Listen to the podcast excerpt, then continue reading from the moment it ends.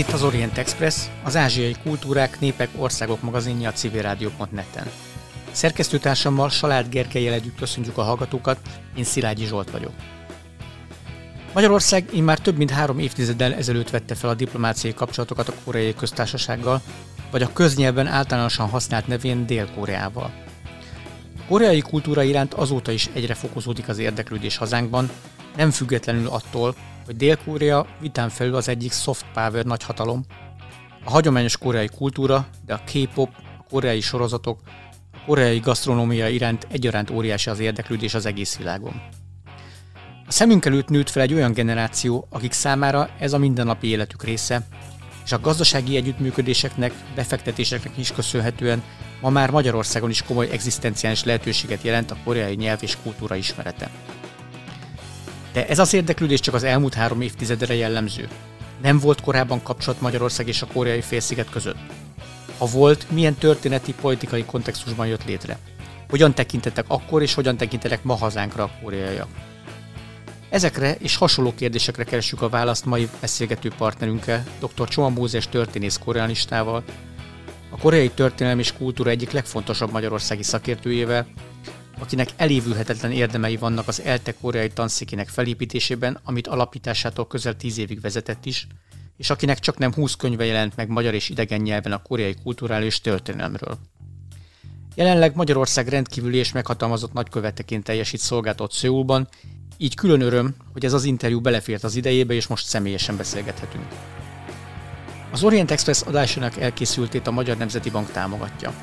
Felhívjuk hallgatóink figyelmét, hogy az Orient Express adásai nem csak a civilradio.net-en hallgatható, hanem podcastként az interneten is, az expressorient.blog.hu oldalon, a YouTube csatornákon, továbbá a különféle podcast alkalmazásokban.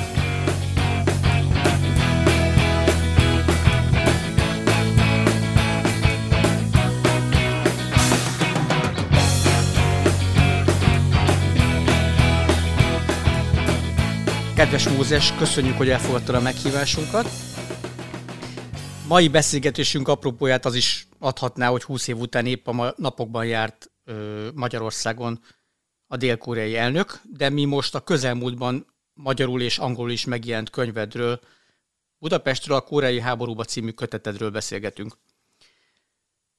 Az első kérdés adódik, ezek szerint akkor ez az új keletű koreai iránti érdeklődés nem teljesen új keletű, ennek korábbi előzménye is vannak már Magyarországon, ugye?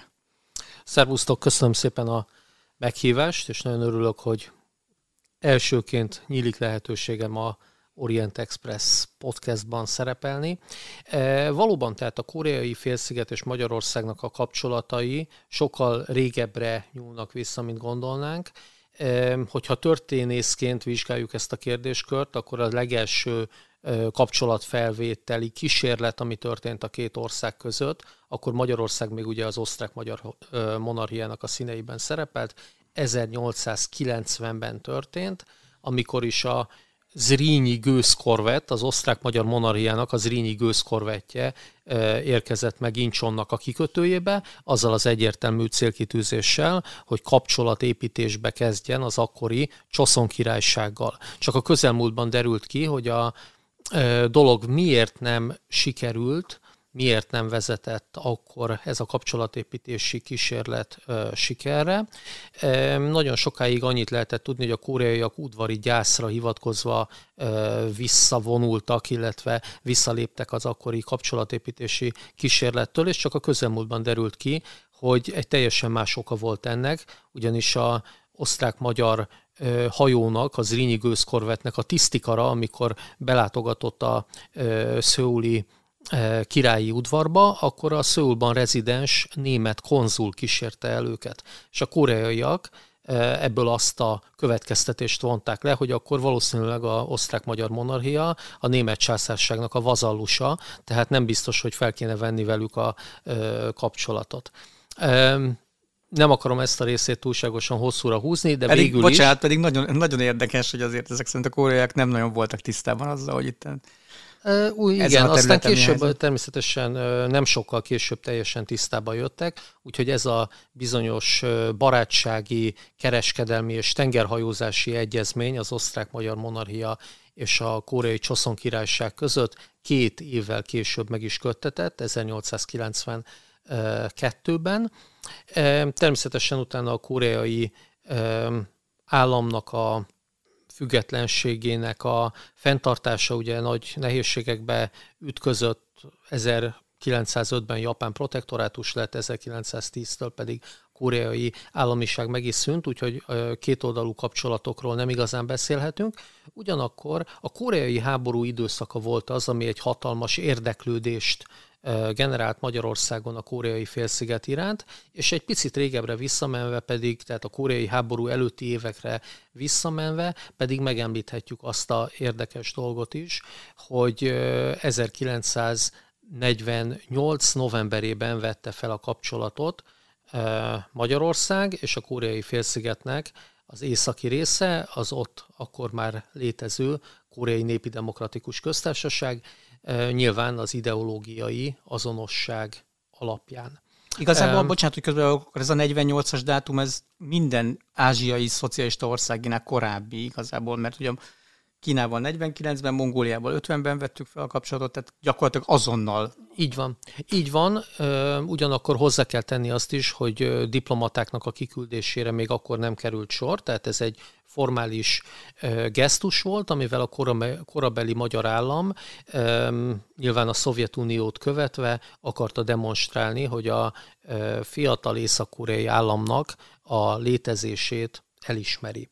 És megemlíthetünk még egy fontos dolgot a koreai háború előtt, ez pedig 1949, amikor lezajlott egy olyan esemény Budapesten, amit úgy hívtak, hogy világifjúsági találkozó, a második világifjúsági találkozó, és erre érkeztek szép számban koreai résztvevők is, sőt a koreai résztvevők között voltak olyanok is, akik a félsziget déli részéről származtak, tehát akkor már a déli rész és az északi rész eléggé hermetikusan különvált, és sokan voltak Dél-Koreában, főleg értelmiségiek, művészek, baloldali elkötelezettségű emberek, akik úgy gondolták, hogy északon egy igazságosabb társadalomban formálódóban északra távoztak, és voltak közülük olyanok, akik történetesen utána megjelentek a 1949-es viten. Én nagyon büszke vagyok arra, hogy sikerült megtalálnom Szöulban egy olyan rendkívül idős, 90 évesnél már idősebb táncos nőt, Kim Beck Pongnak hívják, aki része volt annak a delegációnak, észak-koreai delegációnak, amely itt volt a világifjúsági találkozón. Annyit kell tudni a hölgyről, hogy ő 1946-ban, tehát egy évvel a japán gyarmati uralomnak a lezárultát követően távozott Dél-Koreából Észak-Koreába a mesterével, mesterasszonyával együtt. Észak-Koreában saját táncművészeti stúdiót alapítottak, és amikor jött ez a lehetőség, hogy ellátogathatnak a messzi közép-európai formálódó szocialista országba, a Magyar Népköztársaságba, akkor ő is részese lett ennek a delegációnak. Azt mesélte el, hogy hát a, ugye a Dunai hidak helyét, helyett több helyen még pontonhidak voltak, elmesélte, hogy mennyire finom görög dinnyét fogyasztott Budapesten, és hát később a háború során ő aztán visszakeveredett Dél-Koreába, és számomra egy nagyon különleges élmény volt, hogy egyrészt készíthettem vele egy interjút, ahol ezeket a dolgokat meg tudtam vele beszélni, és még egy különleges élmény volt, amit már nagykövet, nagyköveti működésemnek az első évében, 2018-ban tudtam megtenni, hogy a Fortepán adatbázisban végigkerestem a 1949-es második világifjúsági találkozónak a fotóit, és megtaláltam a hölgyet. Megtaláltam a hölgyet, kinyomtattam a fényképet, bekereteztettem, és utána felkerestük, tehát a nagykövetség felkereste a hölgyet, és egy mm, hivatalos eseménynek a keretei között, tehát egy koreai táncművészet, táncművészet örökséggel foglalkozó hivatalos esemény keretei között, amin a 90 évnél már ugye idősebb hölgy részt vett, ott hivatalos formában átadtam neki azt a fényképet, amin, amin ő szerepel 1949-ben Budapesten, még ugye észak-koreai színekben, ennek a koreai sajtóban is nagyon komoly visszhangja volt. De táncolni nem kellett, ugye? Ez a dolog, ez kimaradt. Gondolom nagy ováció volt, és nagy meglepetés.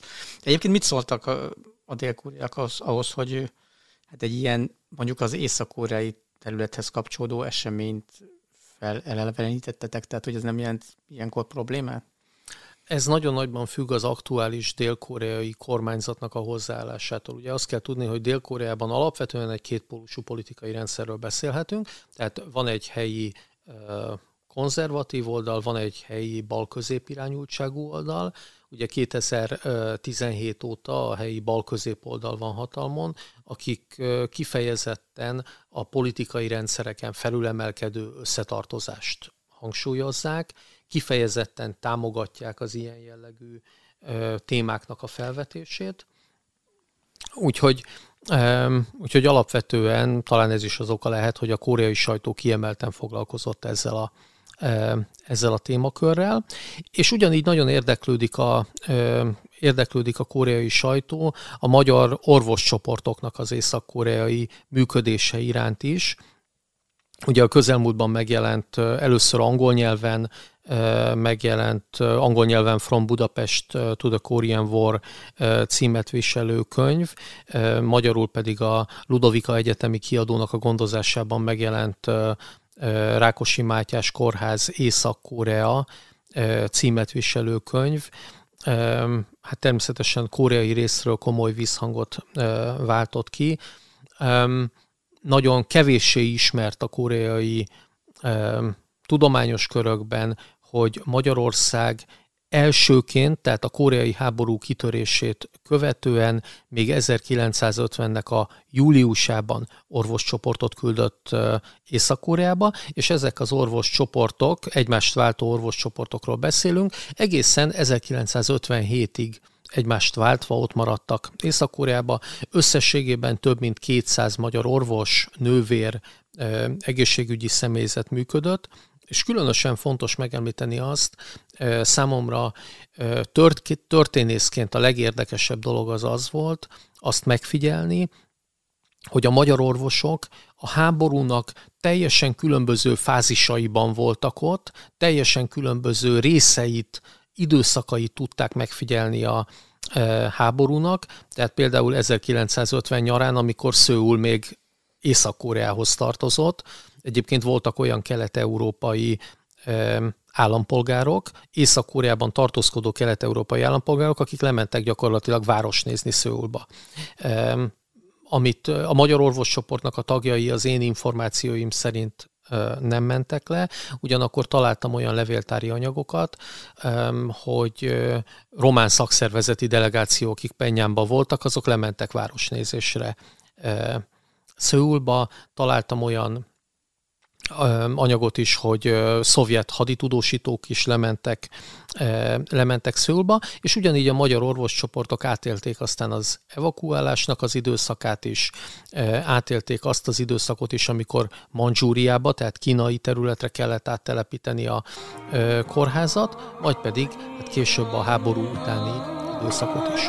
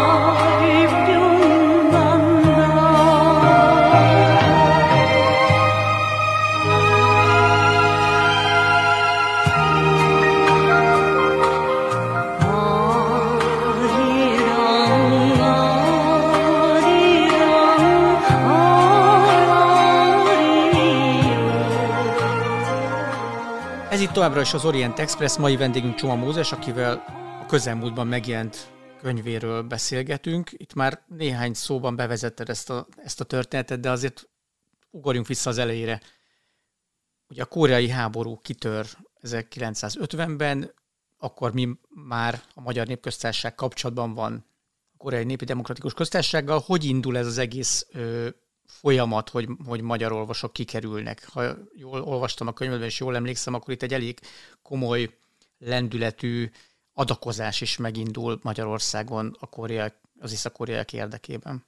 Így van. A koreai háború tulajdonképpen egy polgárháborúként vette kezdetét, de lényegében abban a pillanatban, ahogy polgárháborúként kitört, kirobbant, egy nemzetközi konfliktussá változott, a két világrendszer szembenállásának a ö, legforróbb pontjává változott, és hát természetesen a Szovjetunióban, valamint a szatellitországokban, így Magyarországon is, azonnali szolidaritási mozgalom kezdődött Észak-Korea mellett, és Magyarország részéről az a döntés született, hogy egy hadikorházat és orvosokat küldenek a koreai félsziget északi részére, hogyha valaki fellapoz, fellapozza Rákosi Mátyásnak az emlékiratait, amelyek ugye a 90-es éveknek a második felében kerültek vissza Oroszországból Magyarországra, és ezt követően adták ki őket.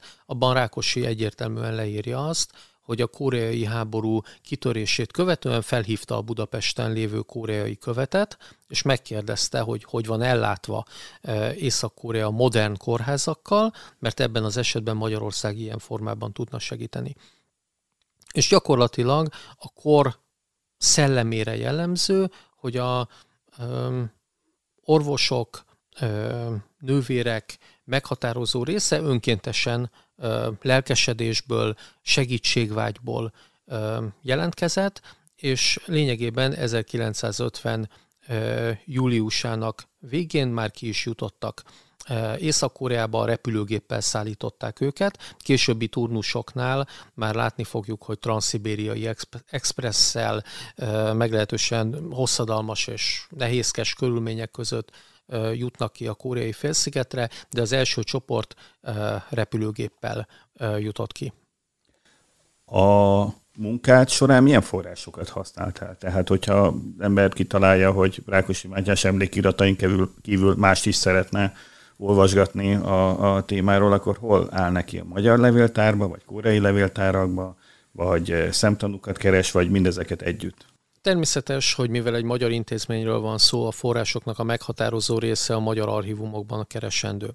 Úgyhogy én nagyban táj, támaszkodtam természetesen a Magyar Nemzeti Levéltár anyagára. Ott elsősorban a külügyes anyag található, tehát a Penyáni Magyar Nagykövetség által hazajelentett információk, és nagyban támaszkodtam természetesen a hat történeti levéltárba, tehát a történelmi múzeum és levéltár anyagára, ahol az egykori résztvevőknek visszaemlékezései, résztvevőknek személyes anyagai is megtalálhatóak, illetve talán a legfontosabb, leg nagyobb gyűjtemény, az pedig a Semmelweis Orvos Történeti Múzeum anyagában található. Gyakorlatilag ezeket együttesen használtam fel, illetve igyekeztem minél nagyobb mennyiségben korabeli publikációkat, korabeli sajtóanyagokat, magyar és koreai sajtóanyagokat is összegyűjteni, illetve törekedtem arra, hogy egykori, ha nem is szereplőket, hisz a szereplőknek a meghatározó része már ugye távozott az élős, élők sorából, de leszármazottakkal ö, tudjak beszélni. Így például nagyon hálás vagyok több olyan hölgynek és úrnak, akik segítséget nyújtottak ebben, akiknek felmenői érintettek voltak ebben a történetben. Szeretném kiemelni Fazekas Tamás professzor úr segítségét, akinek édesapja dolgozott a kórházban. Szeretném kiemelni Ditrói Éva asszonynak a segítségét, akinek édesapja magyar orvosként és édesanyja koreai ápolónőként dolgozott a kórházban. És szeretném kiemelni még Kulka Janina doktornő segítségét is, akinek édesapja Kulka Frigyes professzor, tüdőgyógyász volt a kórháznak az egyik meghatározó alakja.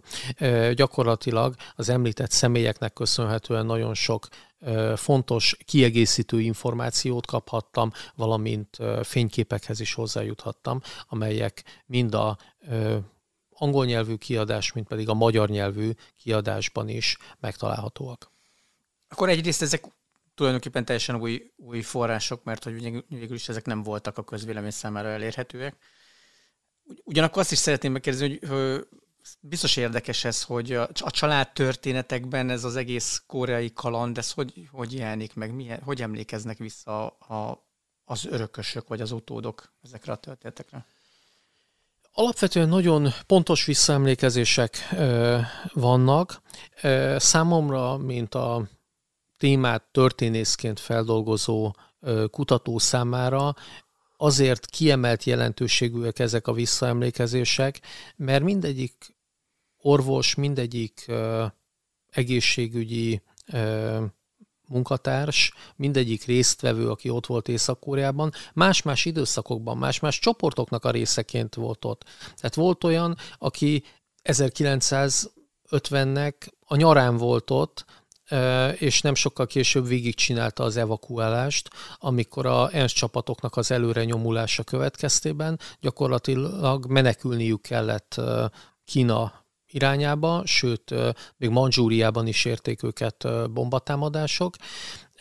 Ez teljesen más időszak, mint amikor 1900 52-ben vagy 53-ban került ki valaki Észak-Koreába, amikor bár még zajlott a háború, de sokkal stabilabbak voltak azért a körülmények. És megint más, aki a háború után került ki Észak-Koreába, és a háború utáni időszakban elsősorban már a járványoknak, meg a általános megbetegedéseknek a felszámolásában kellett közreműködniük. Egyébként a háború utáni időszakra 1956-os év elejére jellemző időszakra talán egy jó illusztráció az, hogy akkor az orvosoknak már volt lehetősége arra is, hogy egy kisebb beton úszómedencét alakítottak ki a kórháznak a területén, hogy a nyári nagy melegben, nyári meleg időszakokban ott tudják kipihenni a fáradalmakat. Nyilván ez össze nem vethető azokkal a tapasztalatokkal, amelyek 1950 késő őszén voltak, amikor Kína irányában gyakorlatilag menekültek embertelen körülmények között. Mennyire voltak ők közel a fronthoz? Frontkórházként működött ez az orvoscsoport, vagy ez az, ez, a, ez az intézmény, amit létrehoztak a magyarok, vagy azért kicsit a hátországban inkább? Öm, fronttól mindig is távolabb volt. Alapvetően az észak-koreaiak próbálták Penyánnak a közelében elhelyezni. Először egy Chunkwa nevezetű településen volt, ez nem túlságosan messze van Penyántól, majd pedig a evakuálás során ugye egyre északabbra helyezték az intézményt, utána 1950-nek a decemberétől tulajdonképpen 1951-nek a nyarái kínai területen működött, majd pedig, amikor 1951 nyarán visszavitték észak-koreai területre, akkor pedig Penyán külterületén bizonyos Mangyongde településen helyezték el a kórházat. Ez a Mangyong, de ez nagyon sokaknak ide, ö, ismerősen csenghet, hisz Kimérsennek a szülőhelyéről van szó.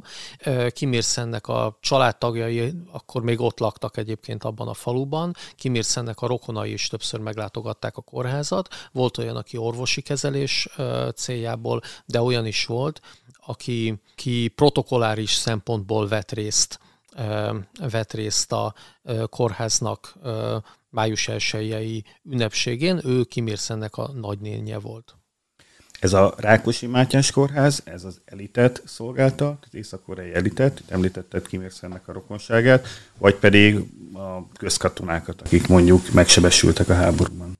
Alapvetően a közkatonákat, a helyi lakosságot, tehát lényegében válogatás nélkül bárkit, bárkit kezeltek, legnagyobb számban természetesen a sérülteket, ugyanakkor azt kell elmondani, hogy a Rákosi Mátyás kórház a korabeli észak az egyik legjobban felszerelt kórháza volt.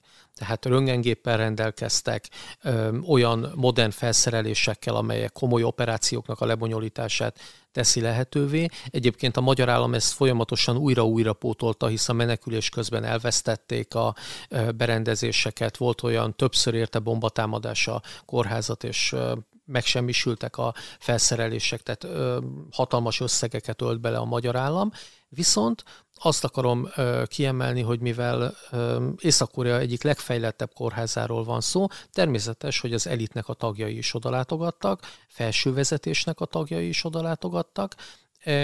Számomra kutató számára különösen az izgalmas, hogy a korabeli észak-koreai értelmiségnek a meghatározó részét ott kezelték hosszabb, rövidebb ideig, és azt is nagyon fontos hangsúlyozni, hogy a korabeli észak-koreai értelmiség az alapvetően a félsziget déli részéről származott. Ugye a beszélgetésünk kezdetén említettem egy ö, táncos nőt, aki mesterasszonyával együtt ö, délről távozott északra, 40-es éveknek a második felében. Ez egy teljesen általános tendencia volt akkoriban, tehát a 40-es éveknek a második felében nagyon sok olyan koreai értelmiségi volt, aki elhitte, hogy Észak-Koreában valami igazságosabb dolog formálódik. Hát so, sok, észak, sok dél-koreai baloldali érzelmű értelmiségi bent Észak-Koreába, de aztán az 50-es években, ha jól tudom, akkor sokak sajnos hát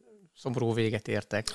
Sajnos mindannyiuk a első nagy koncepciós per hullámnak az áldozatává vált 1953 nyarától kezdődően. Ez egy rendkívül tragikus dolog. Egyébként ez a 1953 nyarán megkezdődő koncepciós per hullám, ez tulajdonképpen nagyon erőteljesen párhuzamba állítható a magyar rajkperrel. Lényegében arról van szó, hogy Kim Il-sen eldöntötte, hogy leszámol a délről jött kommunistákkal. A fő célpont az a dél-koreai, dél-koreából, dél-koreai származású észak-koreai külügyminiszter, bizonyos Pak Hon Yong volt. Egyébként nagyon szimbolikus, ezt mindig el szoktam mondani, hogy amikor 48-nak a novemberében Magyarország és Észak-Korea felveszi a diplomáciai kapcsolatot, akkor ezt a két külügyminiszter írja alá, magyar részről Rajk László, észak-koreai részről pedig az említett Pak Honyong, aki nem sokkal előtte távozott délről a formálódó észak-koreai államba, és hát ugye 53-ban a fő célja, a, a fő célpontja lesz ennek a bizonyos koncepciós perhullámnak. Csak hogy egy pár nevet említsek a korabeli észak-koreai értelmiségnek a tagjai közül, akik megfordultak a Rákosi Mátyás kórházba. Megemlíthetünk egy Sol Chong Sik nevezetű költőt, a félsziget déli részéről származott, egyébként tanulmányait az Egyesült Államokban folytatta a Columbia Egyetemen, angolul tökéletesen beszélt, Shakespeare-nek a koreai fordítója volt. Észak-Koreába saját akaratából, illetve politikai meggyőződéséből távozott, és a Rákosi Mátyás kórháznak a betege lett, egyébként írt verset is a magyar orvosokhoz, amely megjelent 1952-ben Budapesten. Az a címe a költeménynek, egy eposzról van szó, hogy a barátság hős költeménye, ezt a magyar orvosoknak írta. Egyébként nagyon nagy szerepe volt a budapesti kiadás megjelenésében, Mérai Tibor újságírónak, aki 1951-től kezdődően hosszú-hosszú hónapokon keresztül Észak-Koreában, összesen 14 hónapon keresztül Észak-Koreában tevékenykedett. Mérai Tibor közreműködésének köszönhetően jelent meg ez a bizonyos eposz barátsághős költeménye, amelyet a magyarok, magyar orvosoknak írt Szolcsongsik, és hát nem sokkal a megjelenést követően ugye Szolcsongsik is ennek a koncepciós per hullámnak az áldozatává vált, és kivégezték.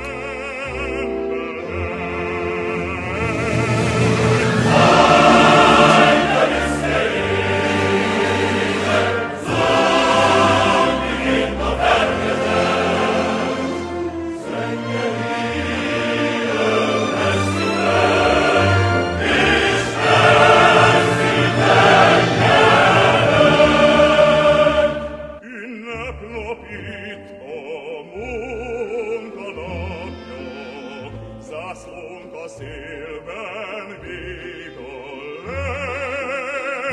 ui orsagi pyrite ich will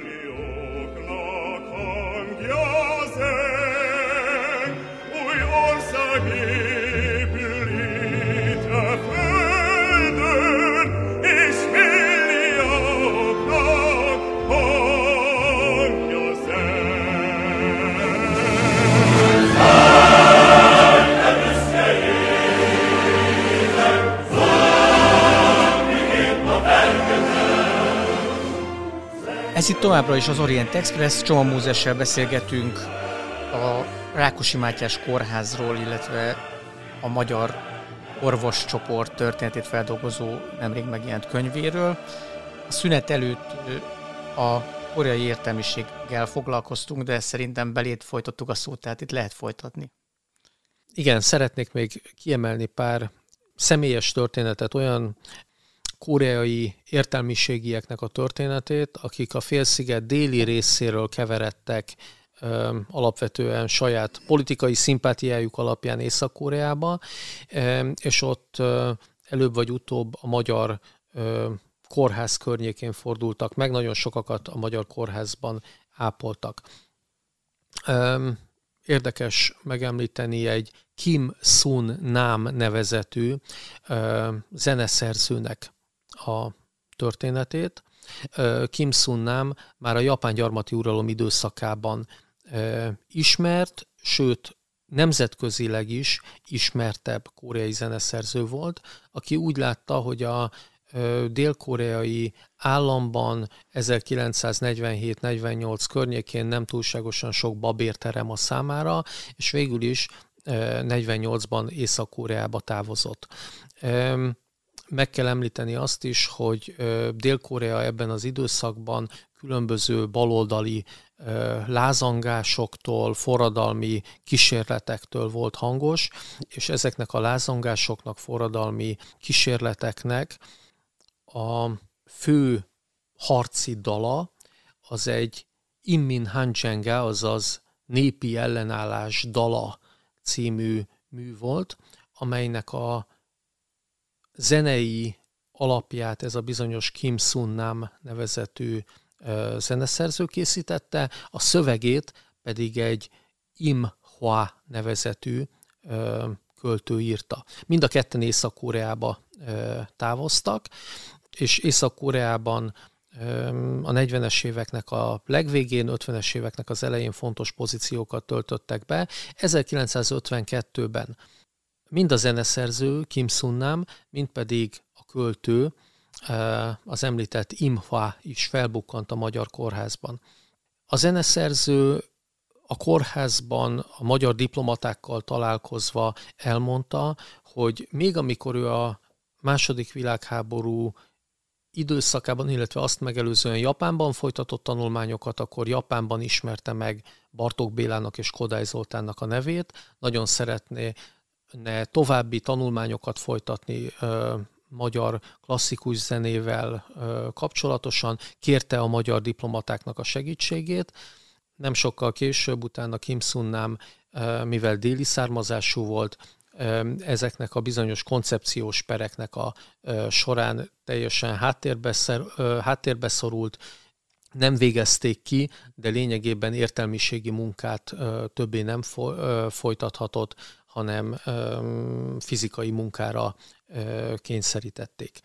Említettem ezt a bizonyos Imhua nevezetű költőt, aki szintén a félszigetnek a déli részéről került Észak-Koreába. Ő a Rákosi Mátyás kórházban azzal kereste meg a magyar orvosokat, illetve a magyar diplomatákat, hogy ő korábban már még a japán gyarmati uralom időszakában találkozott Petőfi Sándornak a költeményeivel, japán nyelven olvasta Petőfi Sándornak a költeményeit, szeretné e, lefordítani koreai nyelvre, jutassanak el neki a magyar diplomaták e, akár orosz, akár angol nyelven Petőfi kötetet, és akkor ő megkezdi a munkát. E, hát nyilván ez nem történhetett meg, mert ő is ezeknek a koncepciós pereknek az áldozatává vált, őt ki is végezték. Annyit még szeretnék említeni ezzel a bizonyos zeneszerzővel kapcsolatosan, Kim Sunnammal kapcsolatosan, hogy levéltári kutatásaim során találtam egy fekete-fehér fényképet, fekete-fehér fényképet Kim Sunnamról, ami a Rákosi Mátyás kórházban készült. Azt kell tudni, hogy Kim Sunnam zeneszerzőnek a lánya, az 1940-es éveknek a második felében, amikor a édesapa éjszakra távozott, ő ott maradt Szőulban. Jelenleg is Szőulban él, idős és egyébként nagyon híres és ismert szinkron színésznő Dél-Koreában, és megkerestem a hölgyet, Kim Selvonnak hívják, és elmondtam, hogy levéltári kutatásaim során találtam egy fényképet édesapjáról, Észak-Koreába távozott édesapjáról, akit nyilván soha nem látott, meg hát személyes élményei sincsenek róla, mert három éves volt, amikor édesapja Észak-Koreába távozott, és ezt a fényképet bekeretezve hivatalos körülmények között a nagykövetségen átadtam neki. Sokat emlegetted azokat a dél-koreai értelmiségieket, akik északra mentek 50-ben, vagy akár korábban egy jobb élet, vagy egy jobb, jobb rendszer reményében, aztán nyilván közülük azért jó néhányan csalódtak az észak-koreai rendszerben. A magyar orvosoknak milyen tapasztalatai voltak Észak-Koreában? Volt olyan, aki észrevette, hogy hát ugye önként jöttem ide, mert azt hittem, hogy ez valami jó dolog, de igazából mégsem annyira kóser ez a Kim Il társaság?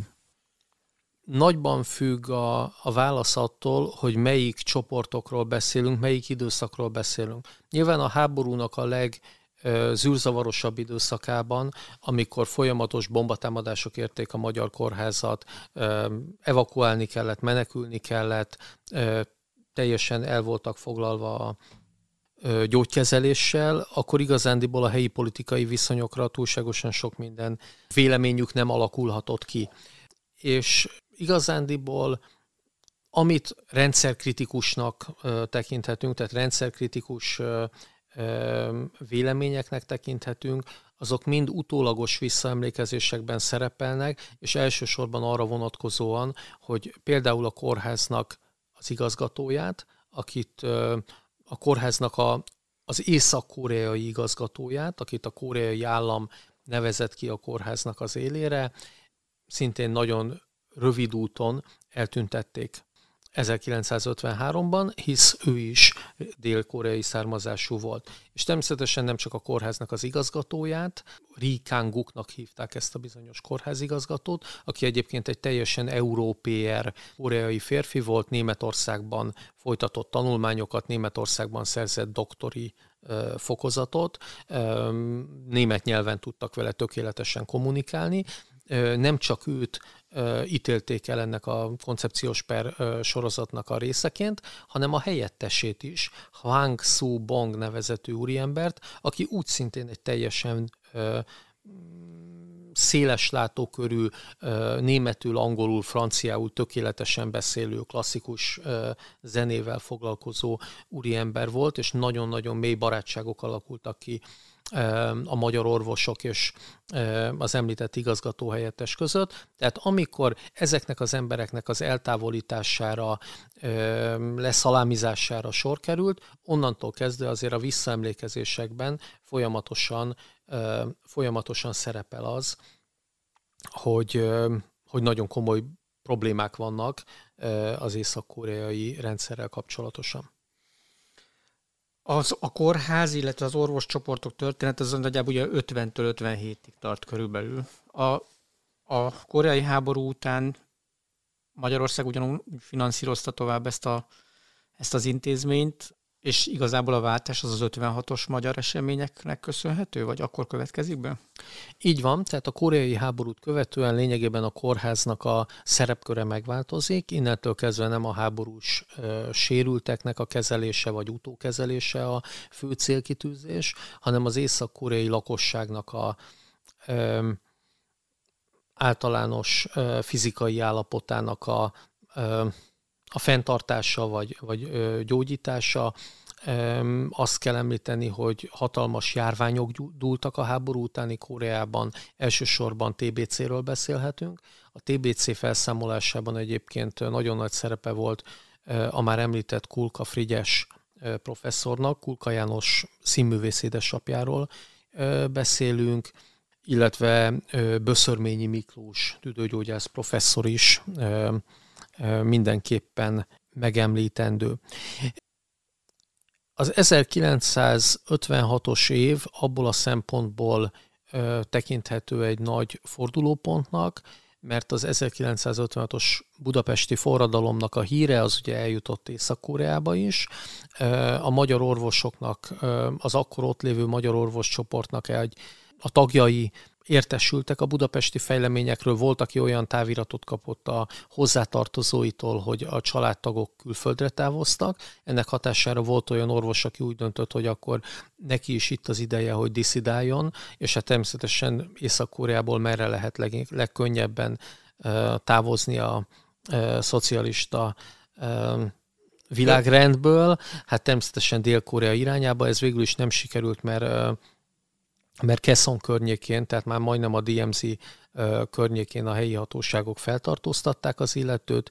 Minden esetre egy nagyon nagyfokú bizonytalanságot váltott ki a orvosok körében az 56-os forradalomnak a híre, de igazándiból a kórház működésének a, felfüggesztése, illetve a magyar orvoscsoportok további küldésének a felfüggesztése, az egyértelműen azzal magyarázható, hogy Észak-Korea az 56-os forrad, az észak-koreai vezetés az 56-os forradalom kapcsán nagyon csalódott a magyar elvtársakban, és hát innentől kezdődően azért a korábban meglévő folyamatos kölcsönös bizalom az azért erőteljesen megingott. Ugye ezt a történetet te nem csak ebben a könyvben dolgoztat fel, te, te írtál a Magyarországon tanuló észak-koreai diákokról is egy, egy könyvet. Tehát nyilván az, azokon a tapasztalatokon keresztül is jól látszik, hogy, a, hogy az észak gyakorlatilag hát meg akarták szakítani a kapcsolatokat Magyarországgal, nem? Vagy, vagy ez nem volt ennyire durván kimondva, de minden esetre ha meg, me, természetesen megszakítani azért nem akarták, hisz az észak-koreaiaknak sokkal több pozitívumok származott ebből a e, dologból, de az azért teljesen egyértelmű volt, hogy Észak-Korea innentől kezdve, az 56-os eseményektől kezdve a közép-kelet-európai térségben zajló desztalinizációt egy hatalmas veszélyforrásként kezeli, és úgy gondolta, hogy azok a folyamatok, amelyek zajlottak például Magyarországon, vagy például Lengyelországban, azok nagyon károsan befolyásolhatják az észak-koreai rezsimet, Kim az uralmát.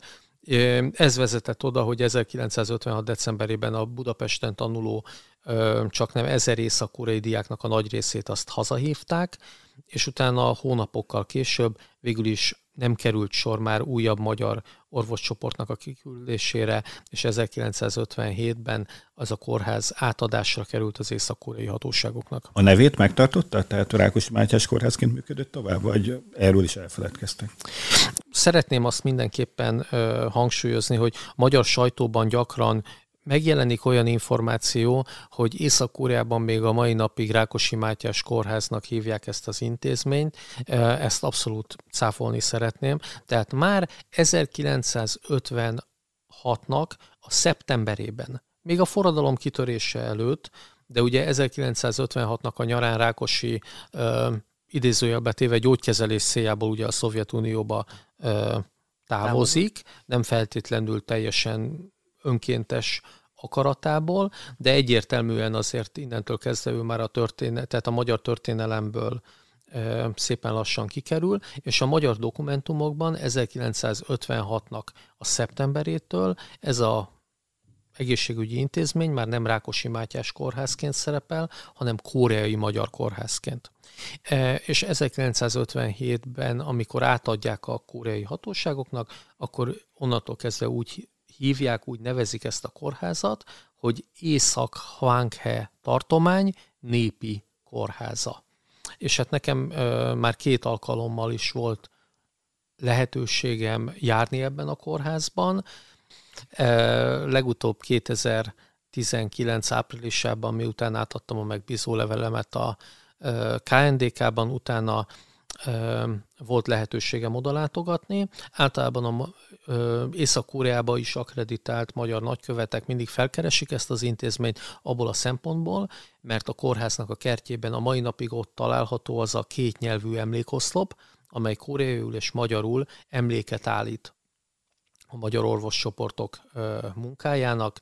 Ez a emlékoszlop 1957 óta ott van, és a koreaiaknak a becsületére legyen mondva, lehetőségeikhez képest ezt karban tartják. Fenntartják, az állagát megóvják, tehát lehet látni, hogy ott rendben van tartva az a rész, alapvetően egy, egy ápolt körülmények között van.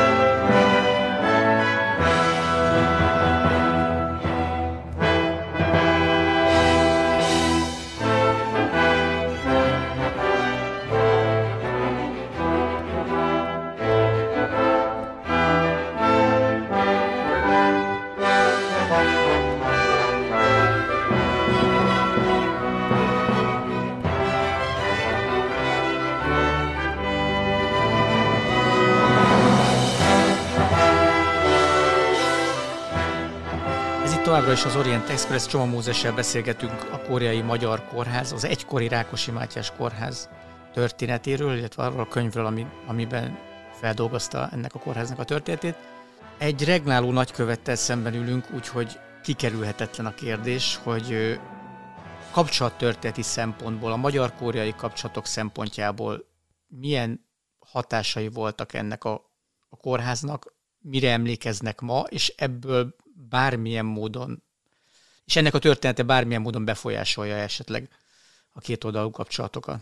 Hogyha a magyar orvos csoportoknak a 1950-57 közötti észak-koreai működését vizsgáljuk, akkor azt mondhatjuk, hogy ennek a fejezetnek a magyar-koreai kapcsolattörténetben azért van egy előzménye is, és van egy későbbi fontos következménye is.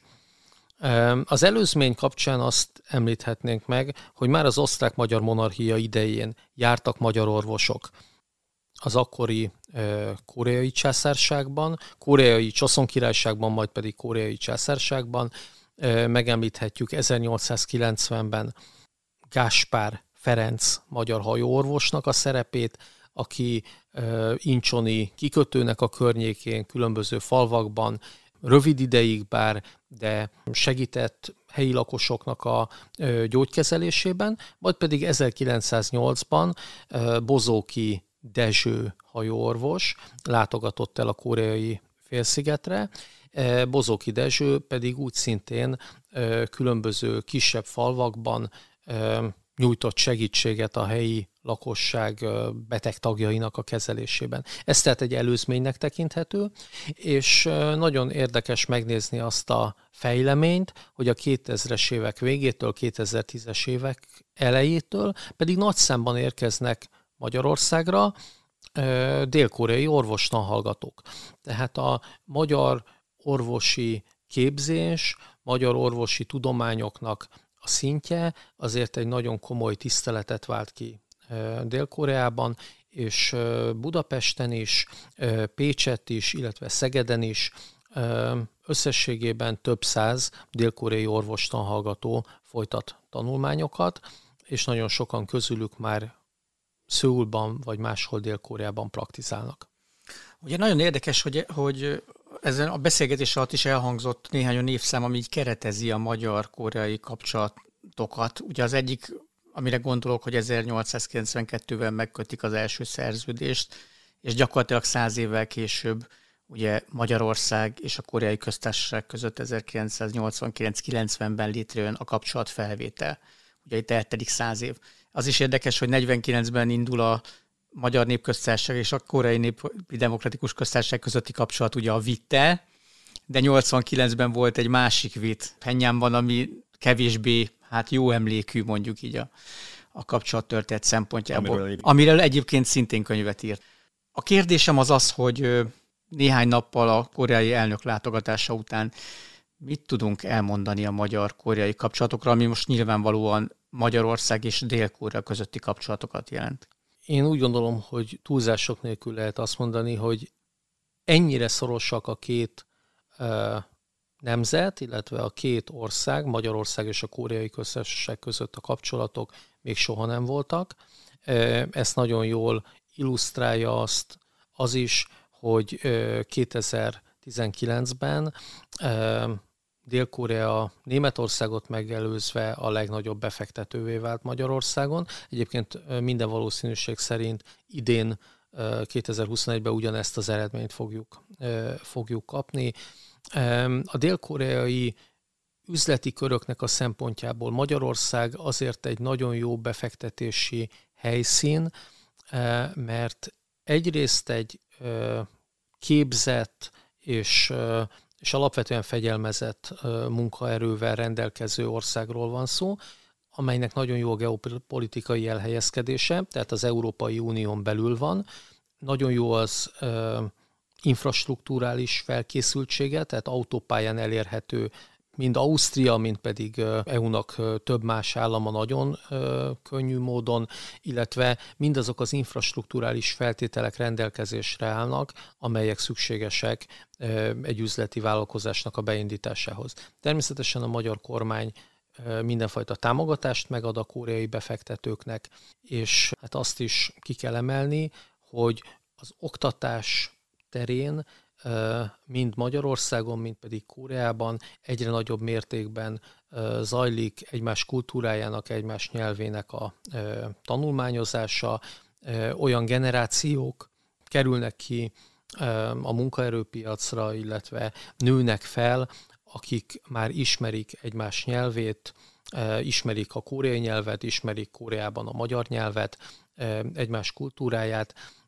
most már nagyon nagy számú vegyes házasságról is beszélhetünk. Tehát én úgy gondolom, hogy túlzások nélkül mondhatjuk azt, hogy ennyire közel a két nemzet még soha nem volt egymáshoz. Ez egy nagyon jó végszó, de azért egy dolgot még hagyd kérdezzek. Ugye az eltén működő korai tanszékről tudunk, a bevezetőben említettem, hogy neked múlhatatlan érdemeid vannak abban, hogy ez létrejött.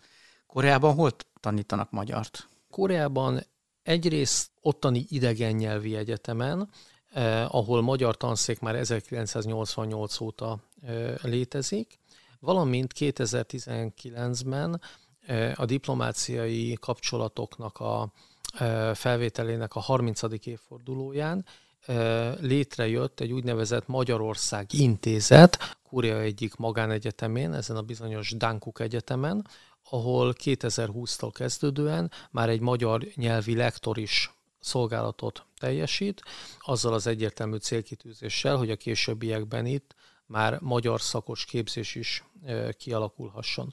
Én úgy gondolom, hogy a koreai befektetéseknek a mértéke, illetve a Magyarországra látogató koreai turistáknak, most itt Covid előtti időszakról beszélek, a mértéke is mindenképpen indokolja azt, hogy Kóreában is minél többen folytassanak magyar szakos tanulmányokat, illetve magyar nyelvi tanulmányokat, és itt Magyarországon is minél több fiatal sajátítsa el a koreai nyelvet, illetve ismerkedjen meg a koreai kultúrával. Így legyen. Köszönjük szépen Csoma Mózesnek, hogy elfogadta a meghívásunkat, köszönjük a hallgatóknak a figyelmet és a Magyar Nemzeti Banknak a támogatást. Önök az Orient Express, a civilrádió.net Ázsia magazinját hallották, a műsort Szilágyi Zsolt és Salád Gergely vezették. Felhívjuk figyelmüket, hogy az Orient Express adásai nem csak a civilrádió.net-en hallgathatók, hanem podcastként az interneten is. A címünk expressorient.blog.hu, de ott vagyunk a YouTube-on és a különféle podcast alkalmazásokban is. A Facebookon pedig a Pázmány Péter Katolikus Egyetem Modern Kelet-Ázsia kutatócsoportjának oldalán lehet megtalálni az adásokat és készítőiket. A viszont hallásra tartsanak velünk a jövő héten is.